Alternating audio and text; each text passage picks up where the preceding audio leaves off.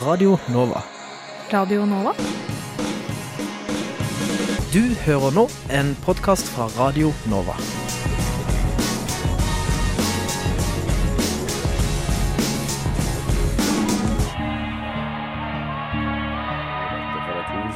Det hadde vært siden eh, Noam Chomsky etablerte den greina lingvistikken som, som jeg befinner meg i. Vi håper jo på breiest mulig oppslutning om SV, og jeg tror at det eneste som kan få norsk løsner båndene mellom staten og kirka, og forhåpentligvis fører til tettere bånd mellom kirka og folk. Så hadde de gjort som andre fjøringsbevegelser i verden, hadde de helt legitimt kanskje tatt i våpen. Og, og så direkte skildring av menneskeskjebner tror jeg ikke vi har sett i noen annen nyhetsdekning av noen annen terroraksjon. Det er såpass store forskjeller mellom den kalde krigen, hvor det var to supermakter som sto mot hverandre, eh, og den situasjonen vi har i dag. Du hører på samfunns- og aktualitetsmagasinet Opplysningen 99,3 på Radio Nova. Opplysningen 99,3 på Radio Nova. Hva er det som får enhver blå politiker til å se rødt? Jo, arveavgift. Selve dødsskatten. Snorre Valen fra SV og Heidi Nordby Lunde fra Høyre debatterer i studio. Tyskland er på relativt kort tid blitt Europas maktsentrum, og ved roret sitter den trygge og mektige Angela Merkel. Hvem er hun egentlig, og hvem blir Tyskland uten henne? Norge er en maktstat når det kommer til bistand. Men hvordan i alle dager kan vi hjelpe land som mangler det, mes det meste, og som knapt henger sammen i limingen? Morten Bøås fra NUPI svarer. En fredsstasjon har en innvirkning på den enkelte nordmanns selvfølelse og identitet. De sliter, og de har ikke råd til å betale eh, markedspriser for, for gassen. Akkurat nå hører du på Radio Novas samfunns- og aktualitetsmagasin, Opplysningen 99,3. God formiddag og velkommen til Opplysningen 99,3 fredag 2. september. Vi er altså Radionovas samfunns- og aktualitetsmagasin. Vi gir deg dypt pløyende analyser, reflekterte debatter og engasjerende samfunnsforskning. Alt i opplysningens ånd. Mitt navn er Signe Grape. Og aller først i dag så skal vi snakke om Tyrkia. Sommerens desidert heteste natt, eh, politisk sett vel å merke, ble fredag 15. juli. Natta da tanks rullet inn i Ankara og Istanbul som en del av et kuppforsøk i Tyrkia.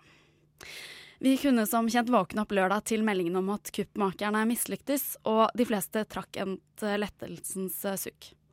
Men fortsatt er den politiske situasjonen i Tyrkia ikke akkurat en mild sommerbris.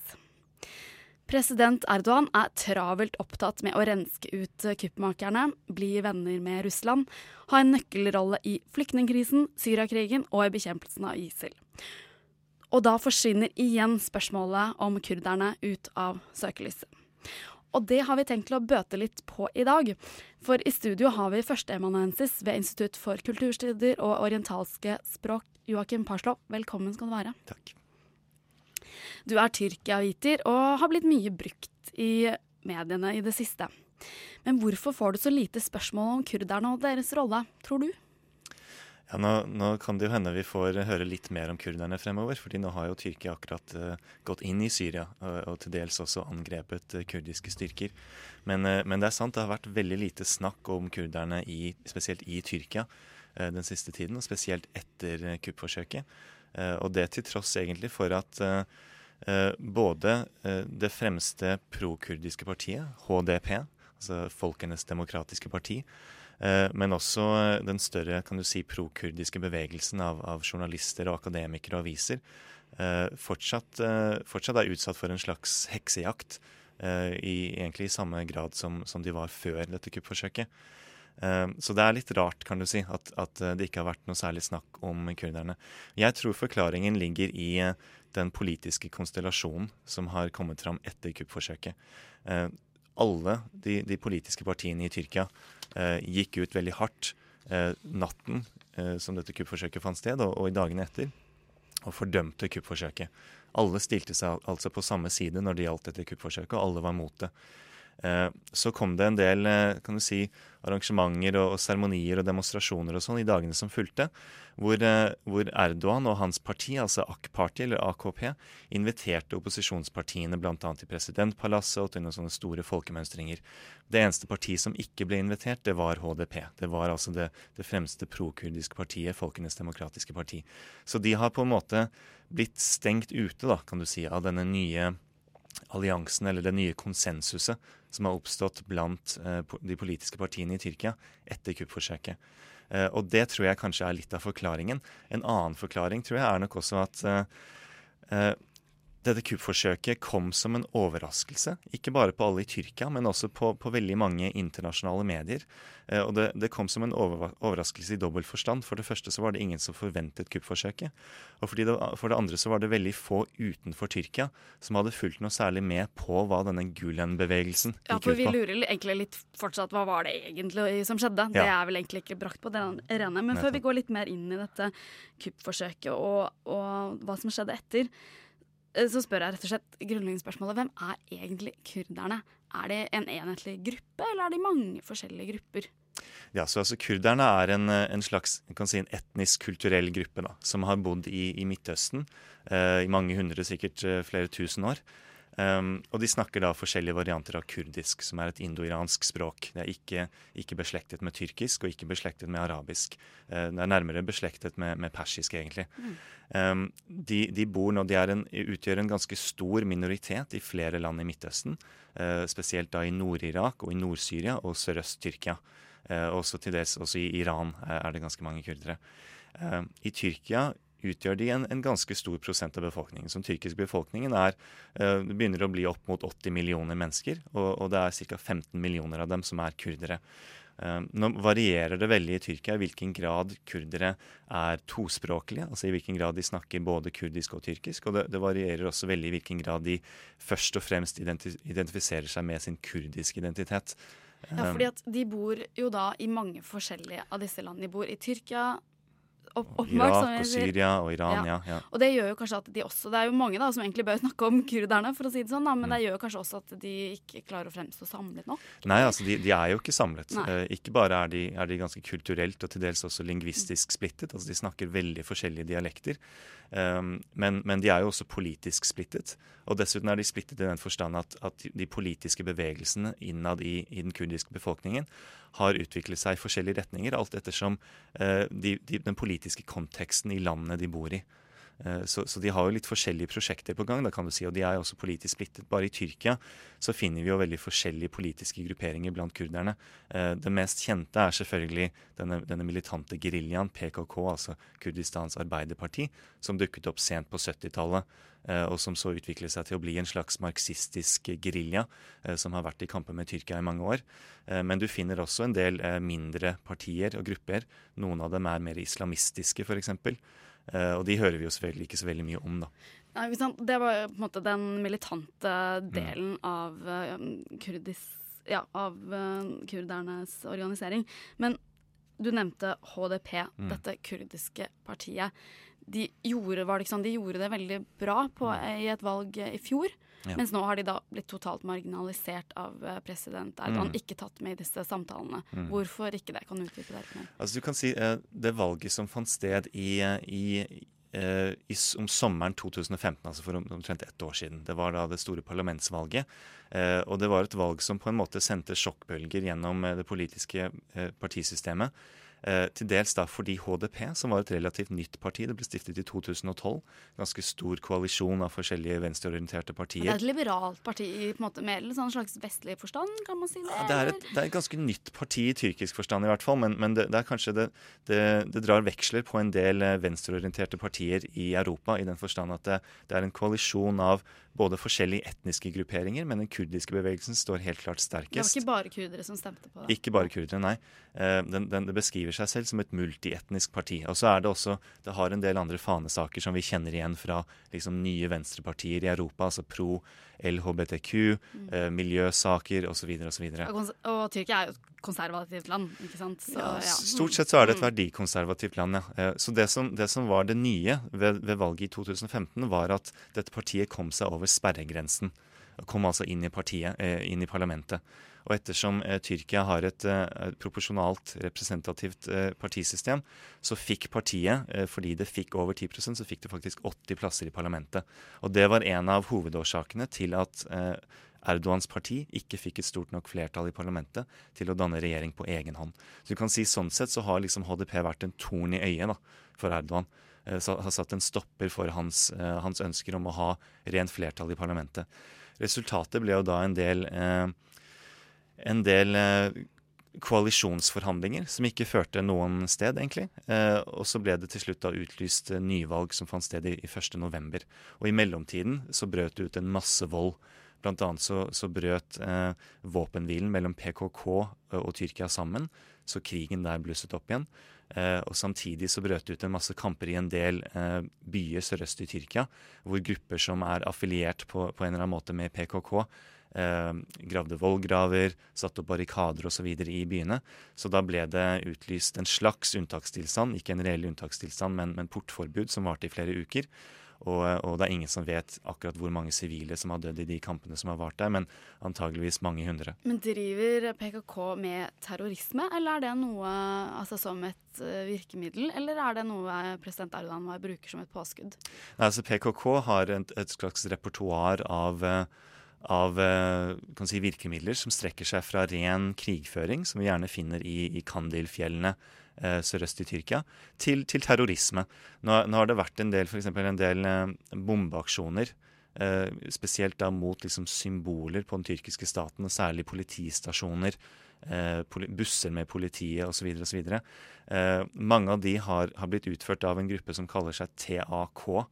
Eh, og det har vært litt diskusjon omkring om hvorvidt det er en, eh, en utbrytergruppe av PKK som ikke har noe med PKK å gjøre, eller om det egentlig er en slags terroristarm av PKK. Det er nok et eller annet sted midt imellom der. Altså, det er nok en gruppe som kommer fra PKK. Eh, og som utfører det vi, det vi, kan tenke på som, som mer rene terroristaksjoner. Da, men, men, først og fremst altså rettet mot politi. Men hva er det da, hvis vi tar da, nå bare kurderne da i Tyrkia, mm. hva er det de kjemper for i Tyrkia? Ja, altså, som sagt så, så, er jo ikke kurderne en enhetlig gruppe. Vi kan jo ikke si det. Men, eh, men, det vi kan si sikkert, er at eh, både HDP som et politisk parti Eh, et, et, et, et, fredelig politisk parti, altså et parti, parti, som er i parlamentet. Men også PKK, altså som en militant gruppe, nyter ganske stor respekt blant mange kurdere, spesielt sørøst i Tyrkia, hvor de aller fleste kurderne bor. Og hvor PKK helt siden tidlig på 80-tallet har jobbet veldig hardt for å bli liksom den, si, den hegemoniske gruppen. Altså den, den eneste gruppen som liksom skal, skal, representere kurderne.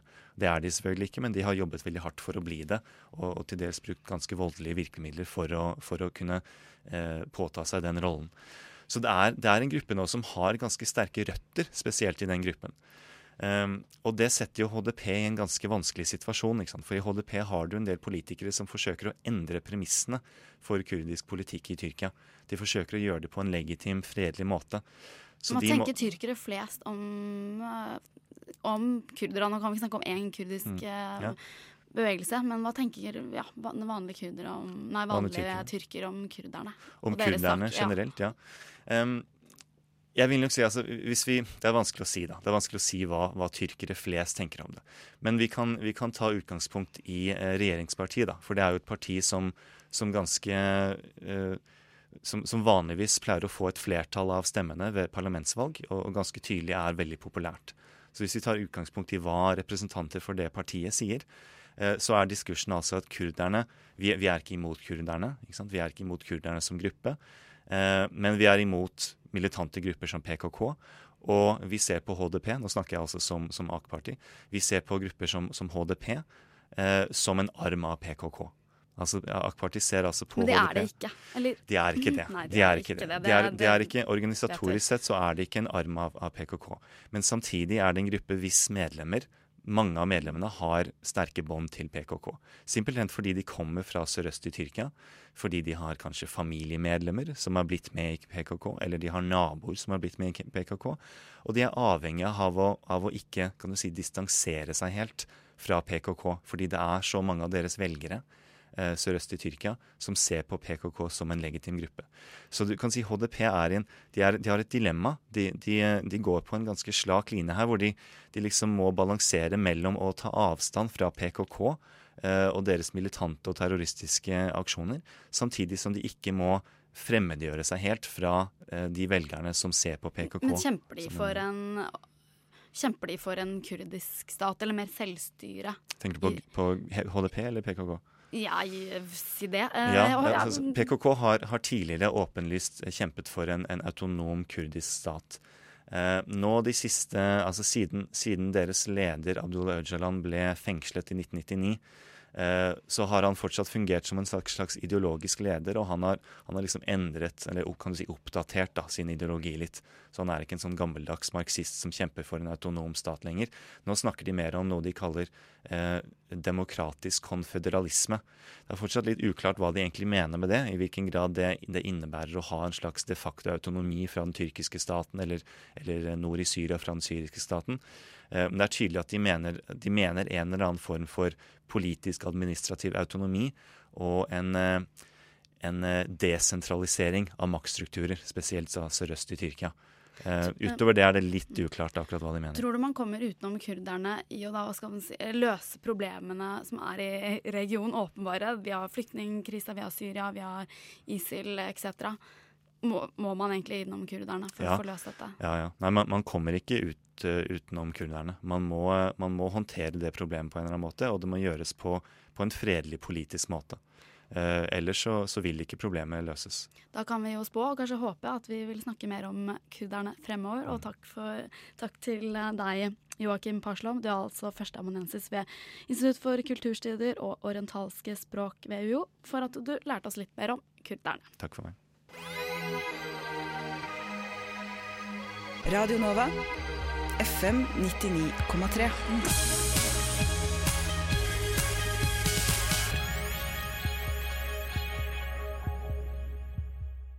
Hva er det som gir en høyrepolitiker kaldsvette i håndbaken, frysninger på ryggen og hetetokter om hverandre?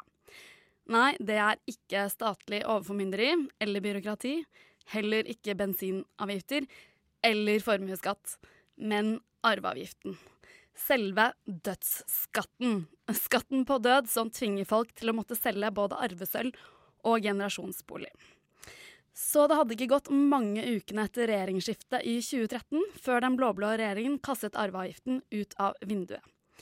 Og nå et år før nytt stortingsvalg blusser debatten opp igjen. Vil arveavgiften bli gjeninnført?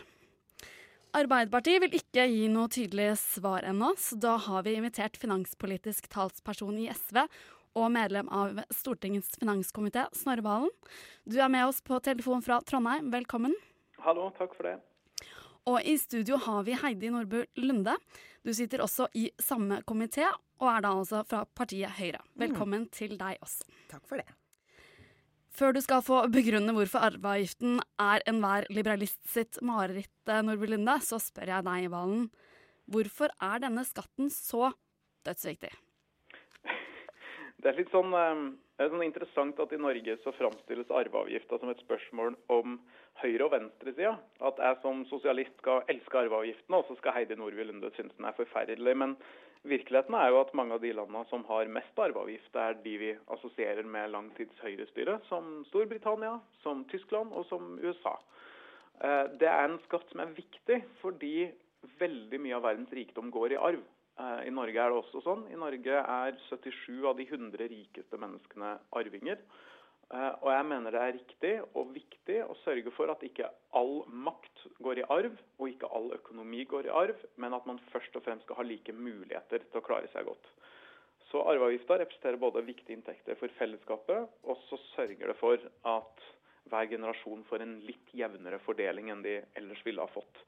Det er et stort problem i dagens verden, at eh, forskjellene øker og øker. Eh, og i stor grad fordi rikdom nedarves og får akkumulere seg, mens de aller fleste ikke har de mulighetene til å bygge seg opp formue. Ja, det er jo faktisk et uh, poeng um, Nordby Lunde, at uh, høyrepolitikere i de fleste andre land i Europa, bortsett fra var det Italia og da Norge, de syns denne skatten er helt OK. Hvorfor er skatt på arv mer urettferdig enn skatt på arbeid? Eh, det er den ikke nødvendigvis. Og de landene som blir nevnt her, har jo også helt andre innretninger på andre typer skatter, og da er det jo helheten vi må se på.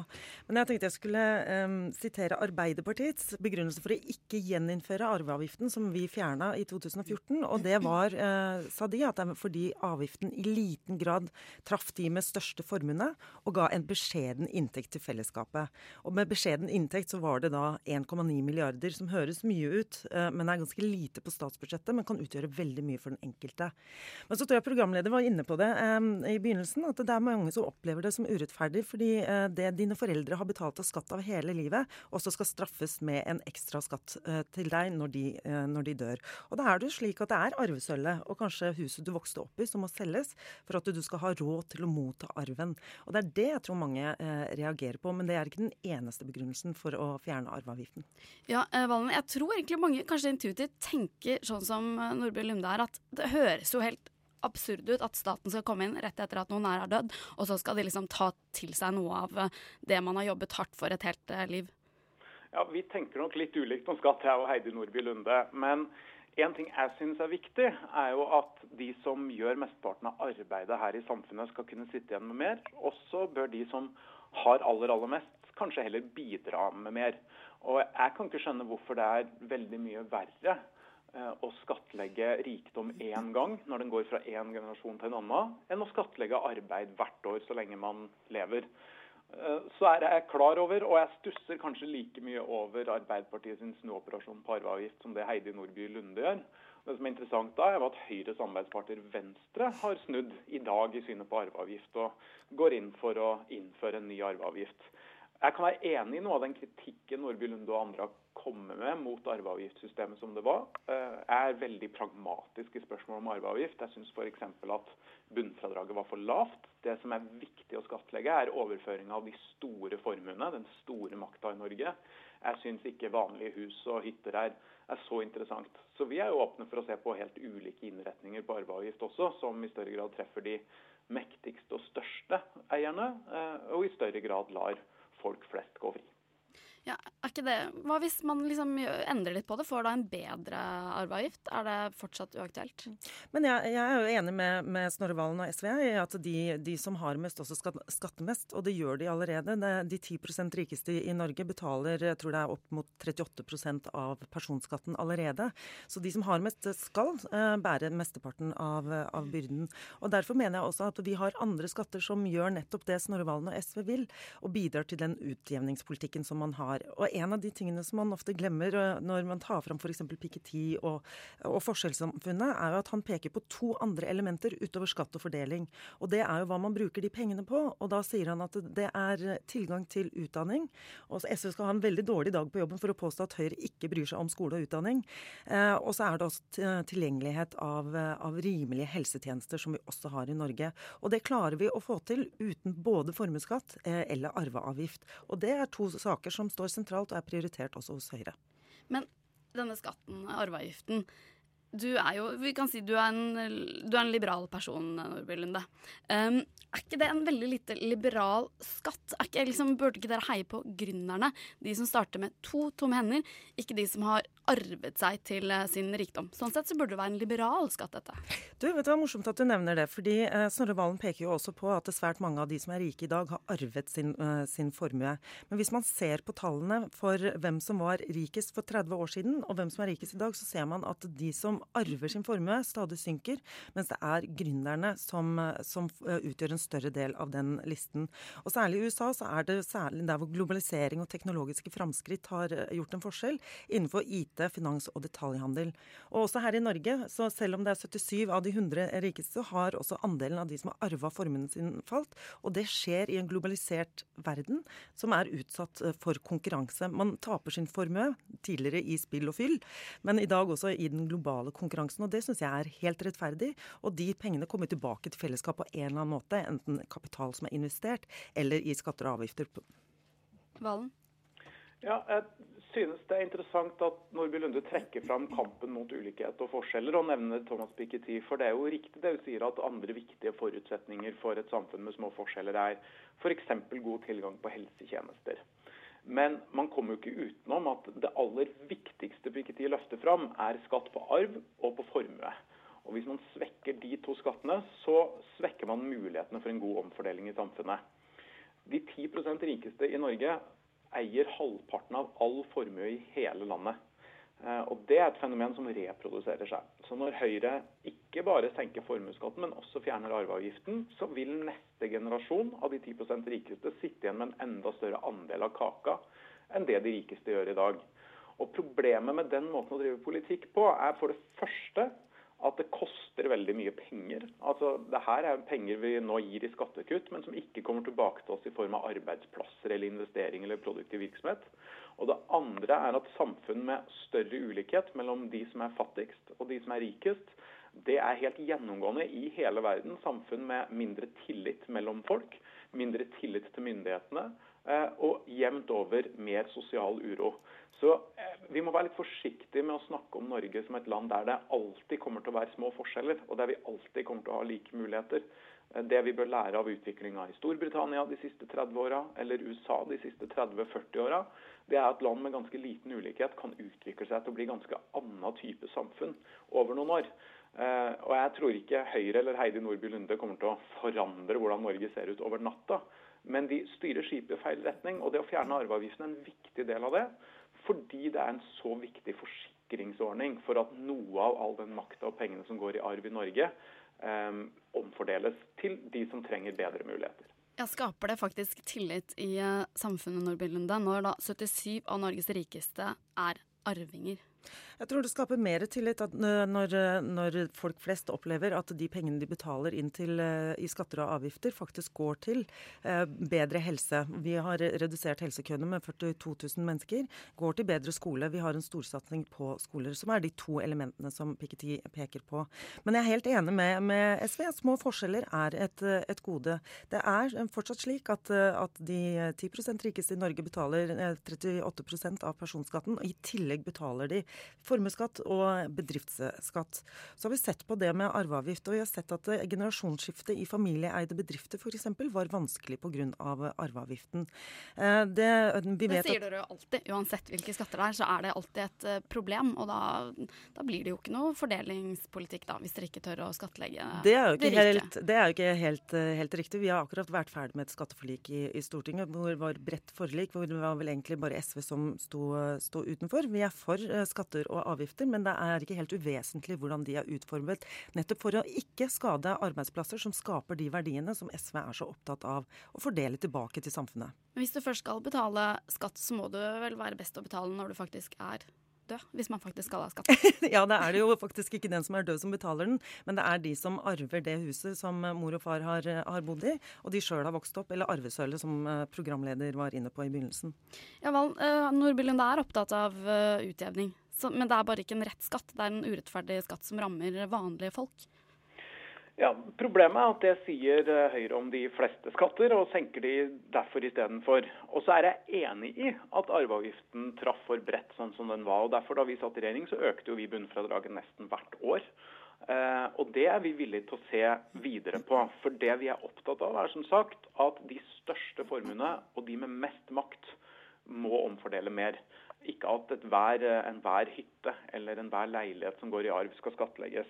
Men så må vi også passe oss litt for å framstille norske arveavgifter som veldig brutal. Altså, Den var lavere enn arveavgifta. Altså før den ble avskaffa, så var den norske arveavgifta lavere enn arveavgifta i Island, i Danmark, Finland, Nederland, Hellas, Chile, Tyskland, Belgia, Irland, Spania, Storbritannia, USA, Frankrike, Sør-Korea og Japan. Og En kan si mye om de landene her, men noe sånn Eh, SV-mønsteromfordelingsrepublikker er det ikke. Eh, det er land med til dels langt mer høyreorientert politisk styring enn det vi er vant med i Norge. Og Grunnen til at de har en arveavgift på plass, er jo av to grunner. For det første fordi de trenger den omfordelingsmekanismen. Det gjør Norge òg. Men for det andre fordi de også bygger på en etos om at du skal først og fremst bygge deg opp sjøl og med dine egne hender. Og der kan jo jeg enes jeg med ideologien til Høyre at det beste er å bygge seg opp fra grunnen. Det vi og Høyre er uenige om, er om du reelt sett har like muligheter til å gjøre det i dagens samfunn i dag. Og så lenge rikdom og arv er så ujevnt fordelt som det er i Norge og andre land, så finnes det ikke reelle like muligheter til å lykkes. Men dere SV, har dere kanskje et kommunikasjonsproblem da? For det var jo, som du sier, veldig mange andre land i verden har den eh, avgiften. Eh, den var ikke veldig stor da den ble borte. Eh, hvis den er så fornuftig, hvorfor får dere ikke med dere noen til å sannsynligvis da gjeninnføre den?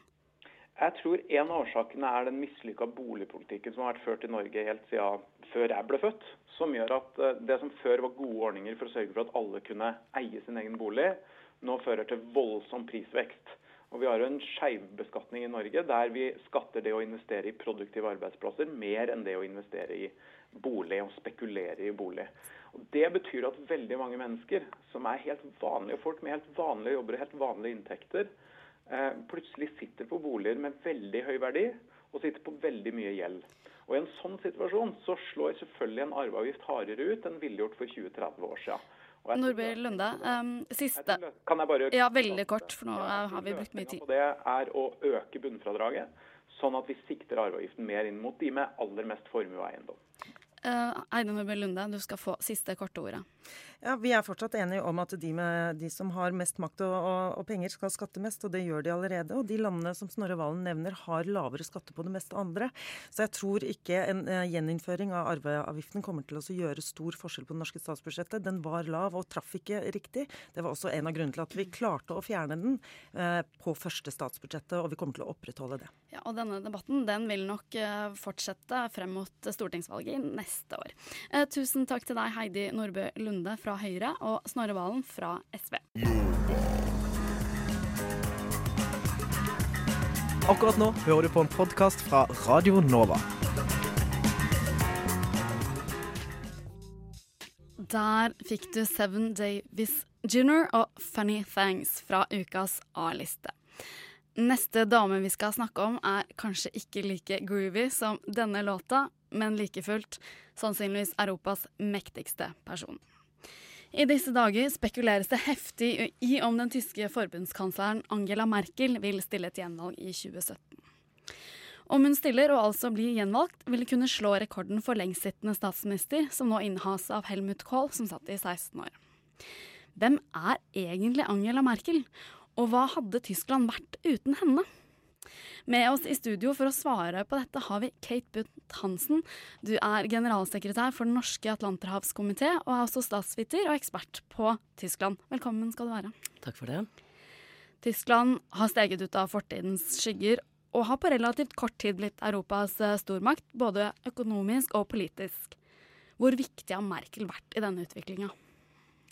Merkel har nok vært viktig, for hun har sittet der i de årene hvor Tyskland har tatt grep om eh, de fleste av Europas kriser, eh, og har eh, vokst økonomisk og politisk ved å håndtere disse krisene. Men politisk makt er jo aldri permanent og personlig. Tysklands økonomiske og politiske styrke er jo relativ i forhold til andre stater i en gitt krisesituasjon.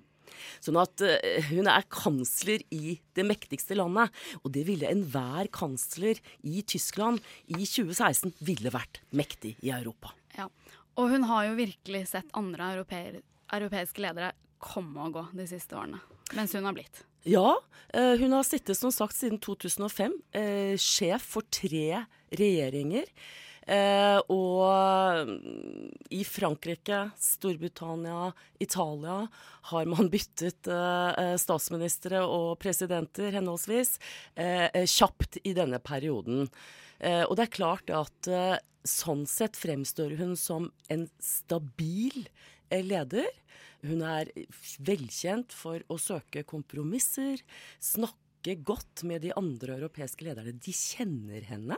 De vet på en måte hva de kan forvente, og i det ligger det mye makt. Og så går det bra i Tyskland. Økonomien går så det suser tross finanskrise. Det går veldig bra i Tyskland. De har den laveste arbeidsledigheten siden før de ble gjenforent i 1990. Eh, de hadde et uh, overskudd på statsbudsjettet på 18,5 milliarder euro i første halvår i år. De har tjent på innføringen av den felleseuropeiske mynten, euro. Det var det ikke Merkel som innførte. Eh, det var det europeerne som selv forhandlet frem. Eh, mens andre land har tapt på denne fellesmynten, så har også Tyskland pga. sin eksportindustri, pga. ulike strukturelle forhold i Tysklands eh, økonomi og næringsliv, tjent veldig på dette i en periode hvor andre har gått tilbake. Som et av få land så, så holder de seg i konkurransen mot Ja. eh, billig arbeidskraft fra, Ja. fra Asia. Eh, hvor viktig er egentlig Tyskland for Europa? Tyskland er helt sentralt for Europa. Eh, Det er det største landet rent befolkningsmessig. De har 81 millioner. Eh, Det er en motor for den økonomiske utviklingen i Europa. EU-landene går jo dårlig for tiden. Det er svak økonomisk vekst i Europa. Man står overfor utfordringene med globaliseringen, hvor både arbeidsplasser, økonomisk og etter hvert politisk makt flyter østover til Kina. Eh, og eh, man trenger denne økonomiske motoren. Samtidig er Tyskland i dag et veldig stabilt demokrati. Det er viktig i en periode hvor eh, vi har eh, land som går ut av EU, eh, Storbritannia. Vi har høyrepopulister som vokser frem i veldig mange europeiske land, ikke minst i Frankrike. Eh, Nasjonal front. Eh, Vi har ustabilitet pga. flyktningekrisen, hvordan dette skal håndteres. Og her fremstår på mange måter Tyskland som en løsningsorientert stat. Vi kan komme litt innom flyktningkrisa etterpå. eh, Men er Tyskland en annerledes stormakt, kan man si det sånn? Jeg tror alle stater og statsledere vet at de, eh, i demokratier så er det velgerne som avgjør om de blir sittende, om de har politisk stabilitet. Så de vil alltid ivareta sine egne nasjonale interesser. Men det er klart Tyskland pga. Sin spesielle historie Forsvar, ja, ikke sant, for eksempel. ja, eh, Pga. sin historie, annen verdenskrig, første verdenskrig, holocaust ligger der som et aldri hvilende premiss og bestemmer politiske beslutninger i Tyskland fortsatt. Pasifistiske tankegang er fortsatt utbredt Eh, Den pasifistiske i tankegangen er utbredt i befolkningen. Eh, De har eh, nok satser mer på forsvar i en urolig sikkerhetspolitisk situasjon i dag, etter ikke minst Russlands annektering av Krim. Så har de en viss økning i forsvarsbudsjettet, men de har jo vært tilbakeholden med å bruke militærmakt. Det har liksom vært devisen i etterkrigstyskland at man skal aldri opptre alene militært. Man skal bare sammen med andre i multinasjonale institusjoner, sånn at tysk makt kan tøyles. Og her ligger det veldig mange begrensninger, både konstitusjonelle og politiske, på Tyskland eh, som eh, en eller annen form for alenegang og, gjø- og ivareta en politikk som bare ivaretar tyske interesser. De har alltid definert det som europeiske interesser. Men uh, Merkel var, har vel vært kjent for å ha et ganske godt forhold til, eh, til um, statsledere f.eks. som Putin. Og Tyskland også før Krim-anneksjonen hatt et godt forhold til, til Russland. Uh, skyldes dette Merkel og hennes person, tror du? Eh, tysk russlandspolitikk går jo lenger tilbake enn det, og det er ofte forbundet med sosialdemokratene. Man innledet en såkalt østpolitikk under Willy Brandt, som vi kjenner godt fordi han snakket norsk og var her under krigen, eh, for å tilnærme seg og overkomme eh, uoverensstemmelsene med Russland og østblokken under den kalde krigen. Så har Merkel et eh, Og man innledet bl.a. et energifellesskap hvor eh, eh, Tyskland mottar altså store deler av sin olje og gass fra Russland. Eh, og så har eh, Merkel videreført denne østpolitikken også under Putins eh, regime. Man sier jo ofte at hun snakker russisk, han snakker tysk fordi han var KGB-agent i Dresden under den kalde krigen. Sånn at de har snakket sammen. Men dette er tradisjonell etterkrigs-Tysklands russlandspolitikk. Man ønsker dialog, samtidig som man jo er medlem av Nato. Og man har en eh, sikkerhetspolitisk fellesskap i vest. Men man ønsker dialog, og man ønsker å snakke med Russland fordi man mener man er nødt til å skjønne hva som skjer i Moskva. Russland kan jo ikke trylles vekk. Det er jo akkurat sånn vi tenker i Norge også. Eh, som jeg nevnte, det diskuteres i disse dager om hun stiller til gjenvalg. eh, og vil da eventuelt ha kommet til å sitte i ja, 16 år. Um, kilder tett på partiet hennes i CDU rett, um, sier at hun sannsynligvis vil stille til gjenvalg. Hva tror du? Ja, hun ga et sommerintervju forrige søndag som jeg satt og så på. Hun smilte jo litt sånn beskjedent og lurt, som hun pleier å gjøre når hun fikk dette spørsmålet. Det burde vært avklart allerede, for det er bare et år til valget. Det er en svekket oppslutning om Merkel for tiden. Det er bare 42 i dag som ønsker at hun skal stille til valg, og ønsker henne som kansler. Eh, og CSU, denne bayerske delen av det kristeligdemokratiske partiet, hennes eget, Mm. har ennå ikke kommet ut og sagt om de vil støtte henne De ligger i som intern kansler. er det, ja, de ligger i intern strid, og det skyldes i veldig stor grad flyktningekrisen. Ja, for det, da sa du neste stikkord, Kate. Flyktningkrisen. Den kommer man ikke unna, og mange vil si at Merkel har håndtert den ganske dårlig. Eller Noen vil si at hun har håndtert den humant og veldig bra. Fordi når folk eh, begynte å gå langs motorveien i Europa, så åpnet hun grensene og sa vi er schaffenes, vi klarer dette. Vi er et rikt land som må ta imot mennesker som kommer eh, fra krig eh, og elendighet. Og massevis av tyskere sto og tok imot syriske flyktninger og ga småbarna teddybjørner osv. Så, videre, og så, så snur dette i løpet av høsten, for det kom altså Ja, én jo million helt, flyktninger. eh, Helt utrolig. 1,3 millioner asylsøkere. Og man sier eh, til nå ca. 60% av de behandlede asylsøknadene har endt med oppholdstillatelse. Og ytterligere 665 000 personer kan Mm. komme på familiegjenforening. Det er jo helt vanvittige tall. Det er store tall, og de kommer eh, så eh, på samme tid. sånn at eh, utover høsten i fjor så snudde jo oppslutningen om Merkel pga. håndteringen av dette spørsmålet. Fordi man så altså enhver eh, gymsal i tyske eh, småbyer var overfylt av flyktninger. Tyske barn hadde ikke gym lenger på skolen. Altså, og man, delstatene mm, hadde ikke penger nok til altså Hele infrastrukturen rundt dette spørsmålet eh, eh, ble eh, kritisert at man hadde sluppet for mange inn samtidig. Og så var det altså Horst Seehofer som er leder for denne bayerske delen av Merkels eget parti. Det er jo akkurat den delstaten som også tok imot flest flyktninger, fordi geografisk ligger syd i Tyskland på grensen mot Ungarn, Tsjekkia og Østerrike. Eh, og eh, så har kritikken vokst, fordi det og, også og alternativ for eh, Tyskland, dette populistiske, høyre radikale, vil kanskje noen også si partiet, det vokser. Og det må Merkel forholde seg til. De har selvsagt vokst på flyktningekrisen fordi de er anti-islam.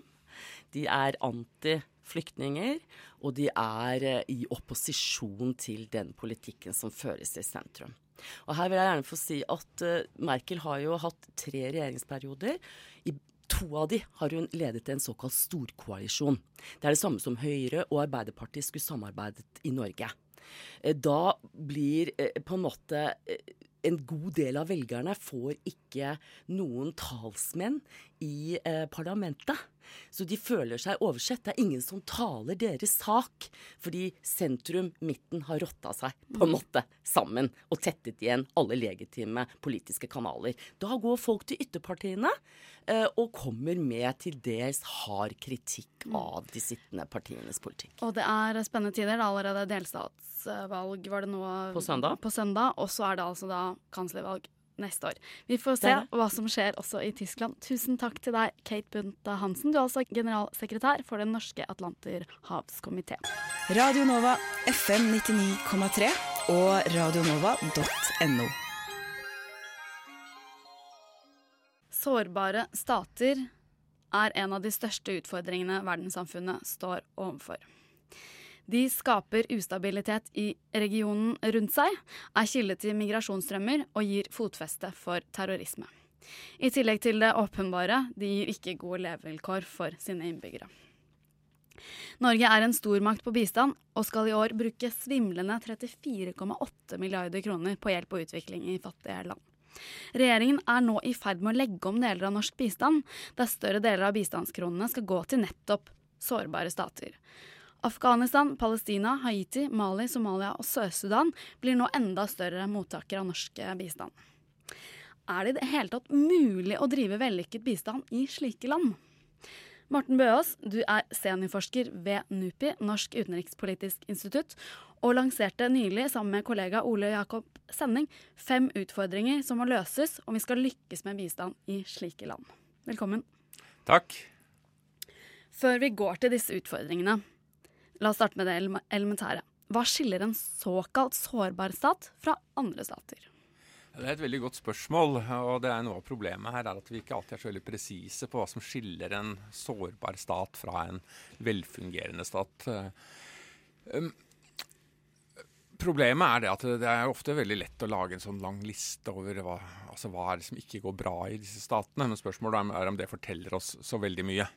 Men for å si det veldig enkelt, så kan vi si at altså en sårbar stat er en stat som har én Altså den har problemer med å holde kontroll over egne grenser. Den har, den har ofte heller ikke et, uh, det man kaller altså et monopol på bruk av makt innenfor egne grenser. Dvs. Si at det er politi og dets militære apparat uh, som er de som skal liksom holde orden, er utfordret av andre grupper som har både som har våpen og bruker vold. Og I tillegg så har de ofte lav altså institusjonell kapasitet. altså De har problemer med å få altså Hvis du ser på Mali f.eks., så vil du se at uh, hvis du ser på et sånn der, hva skal man si Se på den maliske staten, så har den jo liksom, altså den har parlamenter, den har president, den har uh, uh, departementer og byråkratier. Så Sånn sett så ser den jo ut som oss. Men inni disse her så er ofte kapasiteten veldig svak. Men noen av disse landene, altså jeg syns nesten sårbar stat virker som en sånn understatement på godt norsk. Afghanistan det er vel ikke en sårbar stat? Det er vel en stat i fullstendig kollaps, eller? Ja, Det er i hvert fall en stat i veldig store problemer. Eh, så kan du, altså, du, altså Sårbar stat er blitt en sånn samlekategori, og du vil ha ulike altså Du har sårbare stater som er Ja, de er sårbare, men altså, de er ikke i dag prega verken av vold eller konflikt eller noe sånt. Nå. Så har du da andre stater, Somalia. som Ja. Somalia, altså hvor du i store deler av Somalia ikke finnes en fungerende stat. Og du har noe av den tilsvarende situasjonen i Afghanistan. Og så har du Sør-Sudan, Sør-Sudan. som omtrent holder på å rase sammen. Mm. Så her er det, det er mye variasjon innenfor denne kategorien som en nødvendighet blir veldig bred. Men altså en sekkepost for mye, mange forskjellige typer land med ulike typer problemer, kan man si. Og så er det disse utfordringene dere har um, framsatt. Altså, som dere sier at vi må løse disse utfordringene om norsk regjering skal lykkes på bistand i disse landene. Hva slags utfordringer er det dere skisserer? Det er jo flere ting vi er opptatt av, men eh, altså, helt grunnleggende sett så er dette basert på en observasjon av at eh, Norge, sammen med en del andre hva skal man si, likesinnede, likesinnede land, har blitt ganske flinke etter hvert til å drive bistand. Men den bistanden vi driver, den driver vi stort sett, og der hvor det fungerer best. Altså Bistand fungerer best i stater som er noenlunde oppegående. Altså fordi at du, Hvis bistand skal fungere sånn som vi tradisjonelt sett driver den, så fordrer det en form for mottakerkapasitet. Det fordrer en stat som fungerer sånn rimelig greit. Og det er sånn vi har vent Men vi kan jo ikke bare hjelpe stater nei, som fungerer. Nei, det og det er der vi er ved det store eh, ankepunktet. Mm. At det, til, nå så driver Norge stort sett bistand i land som fungerer ganske bra, med noen unntak. Det kommer kanskje overraskende på noen. Hvilke land er, altså, er Nei, det? Man altså, tenker jo at man driver på- i land som f.eks. Mali, ville jeg tenkt. da. Men Ja, men Mali er, er, Mali ikke, er ikke noe sentralt norsk bistandsland. Altså De sentrale norske bistandslandene er jo land som Tanzania osv. Mm. Altså land som fungerer tross alt rimelig godt. Så det er det store dilemmaet, den utfordringen som bistanden står overfor. Ikke bare norsk bistand, men internasjonal bistand. er at Bistand fungerer kanskje best i de landene hvor behovet etter hvert har blitt noe mindre. Mens de landene som trenger bistand aller mest, er de hvor det er aller vanskeligst å drive dette her. Og da sier dere at man kanskje må være villig til å gi penger til korrupte ledere, rett og slett. Det vi sier, altså det er en spissformulering. Men det, og vi ønsker å spissformulere oss, for vi ønsker å skape en debatt om dette. her, for nå, nå er, altså Vi hilser velkommen det skiftet som er i norsk bistand nå. Eh, vi, altså Resten av verden er nødt til å forholde seg mye mer konkret og seriøst til disse landene enn det vi har gjort til nå. Å løse disse problemene i landene, det, det hjelper også oss, for dette skaper jo ja, internasjonal terrorisme og flyktningkriser. Det kan i hvert fall gjøre det. Mm. Det er ikke nødvendig at det gjør det, men det kan gjøre det. Altså, ja, altså det er en global dimensjon ved problemene i land som Mali, Afghanistan, eh, Irak osv. Men vi må huske på at det, disse landene er først og fremst et problem, problem for de som bor der. Og så kan det få også globale følger. Og da må vi kanskje øh, De verdiene vi nå setter øh, høyt, som menneskerettigheter, likestilling, demokrati og rettsstat, de må vi kanskje også sette til litt til siden, eller? Vi må i hvert fall prioritere. Altså, det er en tendens både i norsk bistand og internasjonal bistand at man ønsker å gjøre alle gode ting på en gang. Og at, man, og at alt dette her skal skje samtidig. Og det hadde vært veldig flott om et land som Mali eller Afghanistan eller Somalia altså hadde blitt bedre på demokrati, bedre på menneskerettigheter, bedre på kvinners rettigheter, bedre på økonomisk utvikling, bedre på statsutvikling. Alle disse tingene som vi så gjerne vil se der. Men sannsynligheten for at vi kommer til å se at alt dette skjer på én gang i løpet av en to, tre, fire, femårsperiode, er veldig liten. Og det er en tendens til, mener vi, at for mye penger klattes utover i alle mulige gode formål, i alle mulige gode ideer som kan virke veldig bra når man sitter og diskuterer de på en uh, workshop, det være seg på Blindern eller uh, i Norsk UD eller i Verdensbanken i, i, Washington, men som nødvendigvis ikke fungerer på bakken i disse landene. Derfor, så hvis vi ønsker å gjøre en forskjell her, så er det to ting vi først og fremst må gjøre. Det ene er prioritering. Man må prioritere noen få oppgaver. Og da mener vi at det gir mer mening når vi ser på disse landene, som Mali, som Somalia, og ser på hva er det faktisk som fungerer her. Og støtte opp under det som faktisk fungerer, og prøve å styrke det. Framfor å være ensidig opptatt av alt det de ikke er. De er ikke bra på menneskerettigheter, de er ikke bra på kvinners rettigheter, de er ikke bra på barns rettigheter. Hel haug av ting de ikke er bra på. Men vi kan ikke fikse alt dette på en gang. Vi må sørge for å støtte opp under noen få prioriterte områder. Det er det man- ene. kan- ja, det det andre er er Og der kommer dette med korrupsjon inn. Mm. Altså Jeg er ingen tilhenger av korrupsjon. Men poenget vårt er veldig enkelt at eh, hvis vi skal jobbe konkret på bakken i land som Mali, Mali som, og Somalia og alle disse andre, så må vi bare innse det. At det er umulig å finne en aktør som faktisk betyr noe, som er en potensiell endringsaktør, som ikke på en eller annen måte også er implisert i den skitne politiske økonomien som virker og fungerer i disse landene. Og Det er vi bare nødt til å ta inn over oss. Og så må vi ha gode politiske og økonomiske analyser hvor vi velger ut hvor vi skal sette inn disse innsatsene. For vi må finne noen å jobbe med. Altså Vi kan ikke redde Mali uten å jobbe sammen med maliere. Det er helt umulig. Og skal vi få til noe i Mali, så må vi jobbe sammen med noen som faktisk har makt. Så gjenstår det å se om Børge Brende faktisk lytter til eh, ja, rådene deres. Tusen takk til deg, Morten Bøås. Du er altså senior, seniorforsker ved NUPI. Og med det var klokka straks 11, og timen vår er over. Vi er tilbake neste fredag klokken 10. Tekniker har i dag vært eh, Henrik Slåen. De som har laget ukas sending, har vært eh, Rebekka Hanneland, Emilie Skogstrøm, Hanne Kjærland Olsen, Kristine Brastad Dammen og her i studio Signy Grape. Hør oss igjen når som helst på Soundcloud eller som podkast, og lik oss gjerne på Facebook. Nest ut er Studentnyhetene. Og det er tross alt helg, så helt helt til sist får du, også fra ukas A-liste, Calvert og låta Ut i Oslo. Vi høres neste uke. Radio Nova. Du har hørt en podkast fra Radio Nova. Likte du det du hørte? Du finner flere podkaster i iTunes og på radionova.no.